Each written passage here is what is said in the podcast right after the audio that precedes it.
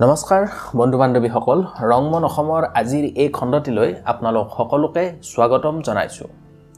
আপোনালোকক জনাব পাই সুখী হৈছোঁ যে সমগ্ৰ অসমীয়াৰ বাবে এটা অতিকে গৌৰৱময় খবৰ সেইটো হ'ল এখন চিনেমা যাৰ নাম হ'ল লাইফ ইন এ পাপেট। এখন অসমীয়া চিনেমা। এই চিনেমাখনে যোৱা বাৰ ডিচেম্বৰৰ পৰা ওঠৰ ডিচেম্বৰলৈ পৰ্ট ব্লেয়াৰত অনুষ্ঠিত হোৱা পৰ্ট ব্লেয়াৰ আন্তঃৰাষ্ট্ৰীয় চলচ্চিত্ৰ মহোৎসৱত চাৰিটাকৈ বঁটা আজুৰি আনিবলৈ সক্ষম হৈছে। এই বঁটাকেইটা হ'ল যথাক্ৰমে আন্তঃৰাষ্ট্ৰীয় ক্ষেত্ৰত শ্ৰেষ্ঠ ছবিৰ সন্মান। প্ৰথমটো আৰু দ্বিতীয়টো হ'ল ভাৰতীয় শাখাত শ্ৰেষ্ঠ ছবি। তৃতীয়টো পুৰস্কাৰ হ'ল ভাৰতীয় চলচ্চিত্ৰ শাখাত শ্ৰেষ্ঠ পৰিচালকৰ সন্মান। আৰু অন্তিমটো বঁটা হ'ল ভাৰতীয় চলচ্চিত্ৰৰ ক্ষেত্ৰত শ্ৰেষ্ঠ প্ৰযোজকৰ সন্মান। গতিকে এই ক্ষেত্ৰত আমি ৰংমন অসম পৰিয়ালৰ ফালৰ পৰা এই চিনেমাখনৰ লগত জড়িত সমূহ শিল্পী কলা কুশলীলৈ আমি অভিনন্দন জ্ঞাপন কৰিছোঁ। এই ছবিখনৰ পৰিচালক তথা প্ৰযোজক ৰাজেন দাস ডাঙৰীয়া ইয়াৰ উপৰিও মুখ্য চৰিত্ৰত অভিনয় কৰিছে অসমীয়া চিনেমা জগতৰ জনপ্ৰিয় অভিনেত্ৰী আশা বৰদলৈ লগতে অসমৰ স্বনামধন্য পুতলা নাচৰ সূত্ৰধাৰ নাৰায়ণ ডেকা ডাঙৰীয়াই। লগতে আছে দীপান্বিতা দাস প্ৰকাশ ঠাকুৰীয়া ইত্যাদি গণ্যমান্য অভিনেতা অভিনেত্ৰীসকল। এই চিনেমাখনত পৰিচালক ৰাজেন দাস ডাঙৰীয়াই পুতলা নাচ যি এটা সময়ত অসমৰ এক অত্যাধিক জনপ্ৰিয় লোকনাট্য আছিল। এই পুতলা নাচটোৰ ওপৰত ভিত্তি কৰিয়েই এই চিনেমাখন নিৰ্মাণ কৰিছে। যোৱা বৰ্ষৰ লকডাউনৰ সময়ত তেখেতে এটা কেননৰ কেমেৰা কিনি সেই কেমেৰাটোৰে কোনো ধৰণৰ বৃহৎ বাজেট নোহোৱাকৈয়ে এই চিনেমাখন নিৰ্মাণ কৰে। আৰু ইমান কষ্টেৰে এই চিনেমাখন নিৰ্মাণ কৰি যি এক সুন্দৰ প্ৰচেষ্টা তেখেতে হাতত লৈছিল যে এক সময়ৰ বুকুত হেৰাই যাব খোজা এক শিল্পকলা অৰ্থাৎ পুতলা নাচক পুনৰ ৰাইজৰ মাজত জনপ্ৰিয় কৰাৰ যি এক মহৎ উদ্দেশ্য তেখেতে লৈছিল বা অসমৰ যি এক সংস্কৃতি সেইটো যে অসমৰ বাহিৰলৈ লৈ যাবলৈ তেওঁ যি এক চেষ্টা কৰিছিল এই চেষ্টাত তেওঁ সম্পূৰ্ণৰূপে সফল হৈছে। বহুতকেইটা আন্তঃৰাষ্ট্ৰীয় চলচ্চিত্ৰ মহোৎসৱত এই চলচ্চিত্ৰখন প্ৰদৰ্শন কৰা হৈছে। আৰু অকল প্ৰদৰ্শন কৰাই নহয় বহুতকেইটা পুৰস্কাৰ এই চলচ্চিত্ৰখনে এতিয়ালৈকে আজৰি আনিবলৈ সক্ষম হৈছে। গতিকে ইয়াৰ বাবে আমি সকলোৱে ৰাজেন দাস ডাঙৰীয়াৰ ওচৰত কৃতজ্ঞ। ৰাজেন দাস ডাঙৰীয়াই নলবাৰী জিলাৰ ভালুকি নামৰ গাঁওখনৰ গাঁওবাসীকো এই চিনেমাখনৰ জৰিয়তে অভিনয় কৰোৱাইছে। কাৰণ এই গাঁওখনতে পুতলা নাচৰ সংস্কৃতিটো এতিয়াও জীৱিত হৈ আছে। জনপ্ৰিয় পুতলা নাচৰ সূত্ৰধাৰ নাৰায়ণ ডেকায়ো এই চিনেমাখনত মুখ্য চৰিত্ৰত অভিনয় কৰিছে গতিকে এই আটাইখিনি কাম এই আটাইখিনি কলা কুশলী শিল্পীয়ে মিলি ইমান সুন্দৰকৈ কৰি অসমক সমগ্ৰ বিশ্বৰ পটতে অসমৰ নাম উজ্বলাবলৈ সক্ষম হৈছে। গতিকে আমি পুনৰবাৰ সমগ্ৰ টীমক অভিনন্দন জনাইছোঁ লগতে আমি তেখেতসকলক কৃতজ্ঞতা জনাইছোঁ। আমাৰ অসমত শুনিব পোৱা মতে বহাগ বিহুৰ আগে পিছে এই ছবিখন অসমৰ চলচ্চিত্ৰ গৃহলৈ আহিব। গতিকে আমি আশা ৰাখিছোঁ একেধৰণে অসমতো অসমৰ ৰাইজে এই ছবিখন আঁকোৱালি ল'ব। আৰু ছবিখন আঁকোৱালি লোৱাই নহয় হেৰাই যাব খোজা যি এক লোক সংস্কৃতি পুতলা নাচ। এই পুতলা নাচটোকো পুনৰ উজ্জীৱিত কৰাৰ ক্ষেত্ৰত অসমৰ লোকসকলে আগভাগ ল'ব। মই মোৰ বন্ধু বান্ধৱীসকল আজিৰ এই খণ্ডটোত আমি অসমৰ এক লোকনাট্য অৰ্থাৎ পুতলা নাচৰ বিষয়ে কিছু কথা ক'বলৈ লৈছোঁ।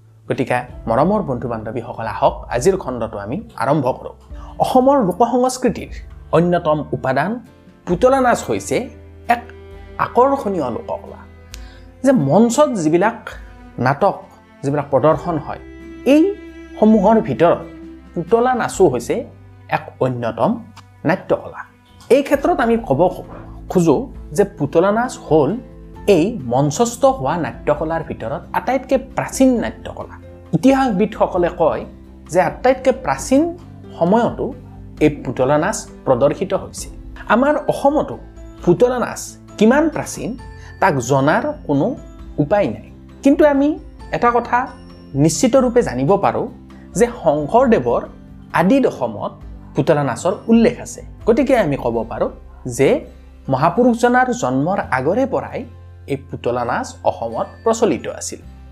অতি পুৰণি কালত ভাগৱত কালিকা পুৰাণ গুৰুচৰিত ইত্যাদি পুথিত পুতলা নাচৰ উপস্থিতিৰ উমান পোৱা যায়। মহাপুৰুষ শংকৰদেৱৰ দ্বাৰা ৰচিত চিহ্নযাত্ৰা নাটখনিত পুতলা নাচৰ অভিনয় কলা অন্তৰ্ভুক্ত কৰিছিল। চিহ্নযাত্ৰা নাটকত চিহ্ন আঁকি আখ্যানৰ বিশদ বিৱৰণ বুজাবলৈ চেষ্টা কৰা হৈছিল।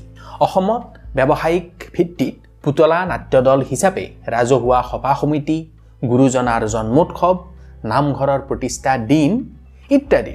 মানে এক প্ৰকাৰ ধৰ্মীয় সকলোবিলাক কাম কাজতে পুতলা নাচ প্ৰদৰ্শন কৰা হৈছিল ইয়াৰ উপৰিও ৰাসত নামনি অসমৰ ফালে যিটো নলবাৰীৰ ৰাস হয় বা নামনি অসমৰ যিবিলাক ঠাইত ৰাস হয় এই ৰাসৰ এটা অন্যতম অংগ আছিল পুতলা নাচ।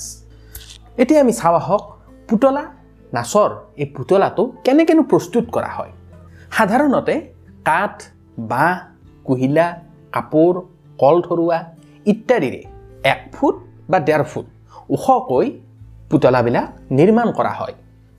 আৰু এই পুতলাবিলাকক ৰং বিৰঙৰ কাপোৰ বা কাগজ ইত্যাদি মেৰিয়াই ৰং বিৰঙৰ ৰঙৰ প্ৰলেপ সানি সুন্দৰ কৰি সজাই তোলা হয়।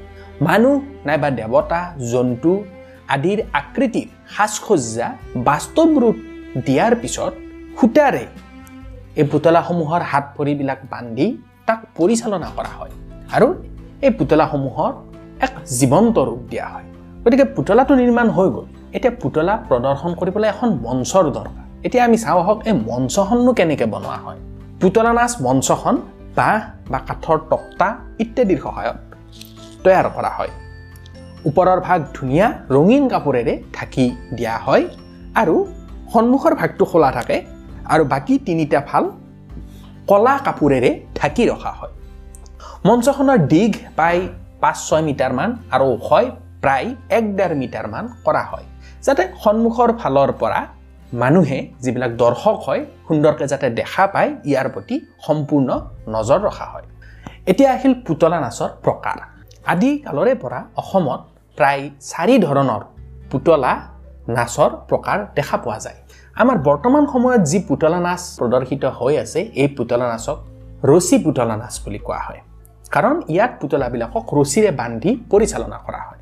ইয়াৰ উপৰিও আন তিনিবিধ পুতলা নাচৰ প্ৰকাৰ হ'ল হাত পুতলা নাচ। ইয়াত হাতৰ আঙুলিৰে পুতলাবিলাকক নচোৱা হয়। এটা আছে দণ্ড পুতলা নাচ দণ্ড পুতলা নাচক এডাল দণ্ডৰ সহায়ত পৰিচালনা কৰা হ'ল।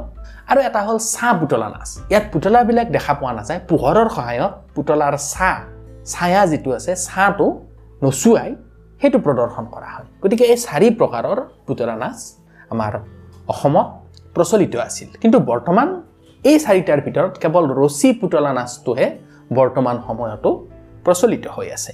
এতিয়া পুতলা নাচতনো অভিনয় কেনেকৈ কৰা হয়? প্ৰক্ৰিয়াটো কি? প্ৰক্ৰিয়াটো হ'ল এজন লোকে সূতাৰ সহায়ত এই পুতলাবিলাকক নচুৱায়। এই লোকজনক কি বুলি কোৱা হয়? সূত্ৰধাৰ। সূত্ৰ মানে সূতা ধৰা। ঠিক আছে সূত্ৰ ধৰি কিনে নচুৱায়। গতিকে সূত্ৰধাৰ। আৰু সূত্ৰধাৰে এই পুতলাবিলাক নচোৱাৰ লগে লগে গায়ন বায়ন ইত্যাদিয়ে গীত বজানা বজাই আৰু সংলাপ ইত্যাদি কৈ সূত্ৰধাৰে গোটেই নাটকখন পৰিচালনা কৰে।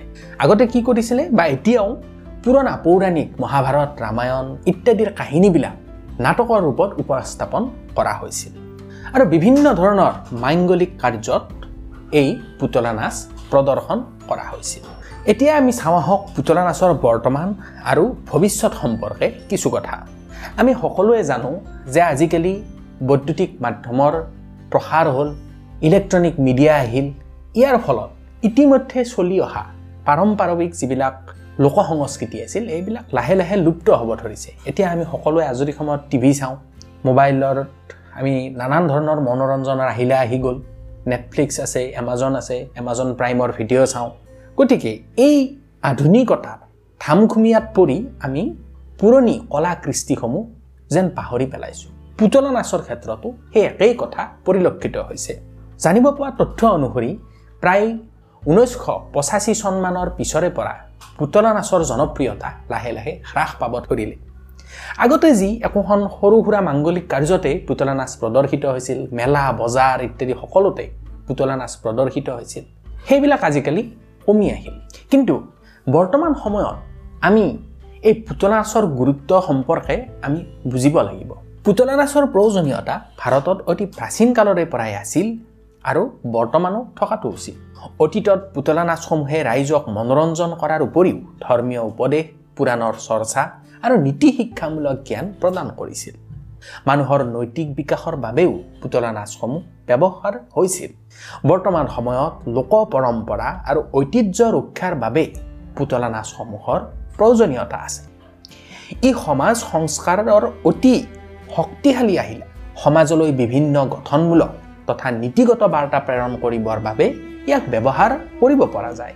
আমি দেখিছোঁ যে বিভিন্ন ক্ষেত্ৰত আমাৰ সমাজখনত নানান ধৰণৰ স্খলন হ'ব ধৰিছে। গতিকে এইসমূহৰ পৰা জনসাধাৰণক সজাগ কৰাৰ কাৰণেও আমি পুতলা নাচক এক আহিলা হিচাপে ব্যৱহাৰ কৰিব পাৰোঁ। যেনে মাদক দ্ৰব্য সেৱনৰ অপকাৰিতা যুৱ উচ্ছৃংখলতা সমাজৰ নানান দুৰ্নীতি ইত্যাদি কথা সম্পৰ্কে মানুহক সজাগ আৰু সচেতন কৰিবলৈ পুতলা নাচক আমি ব্যৱহাৰ কৰিব পাৰোঁ। বিভিন্ন মুকলি মঞ্চত প্ৰদৰ্শিত পুতলা নাচ বা অভিনয়ৰ জৰিয়তে সমাজক বিভিন্ন দিশত সজাগ কৰিব পৰা যায়। প্ৰচাৰ বিভাগৰ যাৱতীয় কামবোৰৰ বাবেও পুতলা নাচ উৎকৃষ্ট অনুষ্ঠান হ'ব বুলি ভাবিব পৰা যায়। আৰু পুতলাবিলাক শিশুসকলৰ বাবেও অতিকে আকৰ্ষণৰ বস্তু। গতিকে পুতলা নাচ প্ৰদৰ্শনীৰ দ্বাৰা শিশুসকলৰ মনত বিভিন্ন সৃষ্টিমূলক তথা গঠনমূলক শিক্ষাৰ প্ৰচাৰ কৰিব পৰা যায়।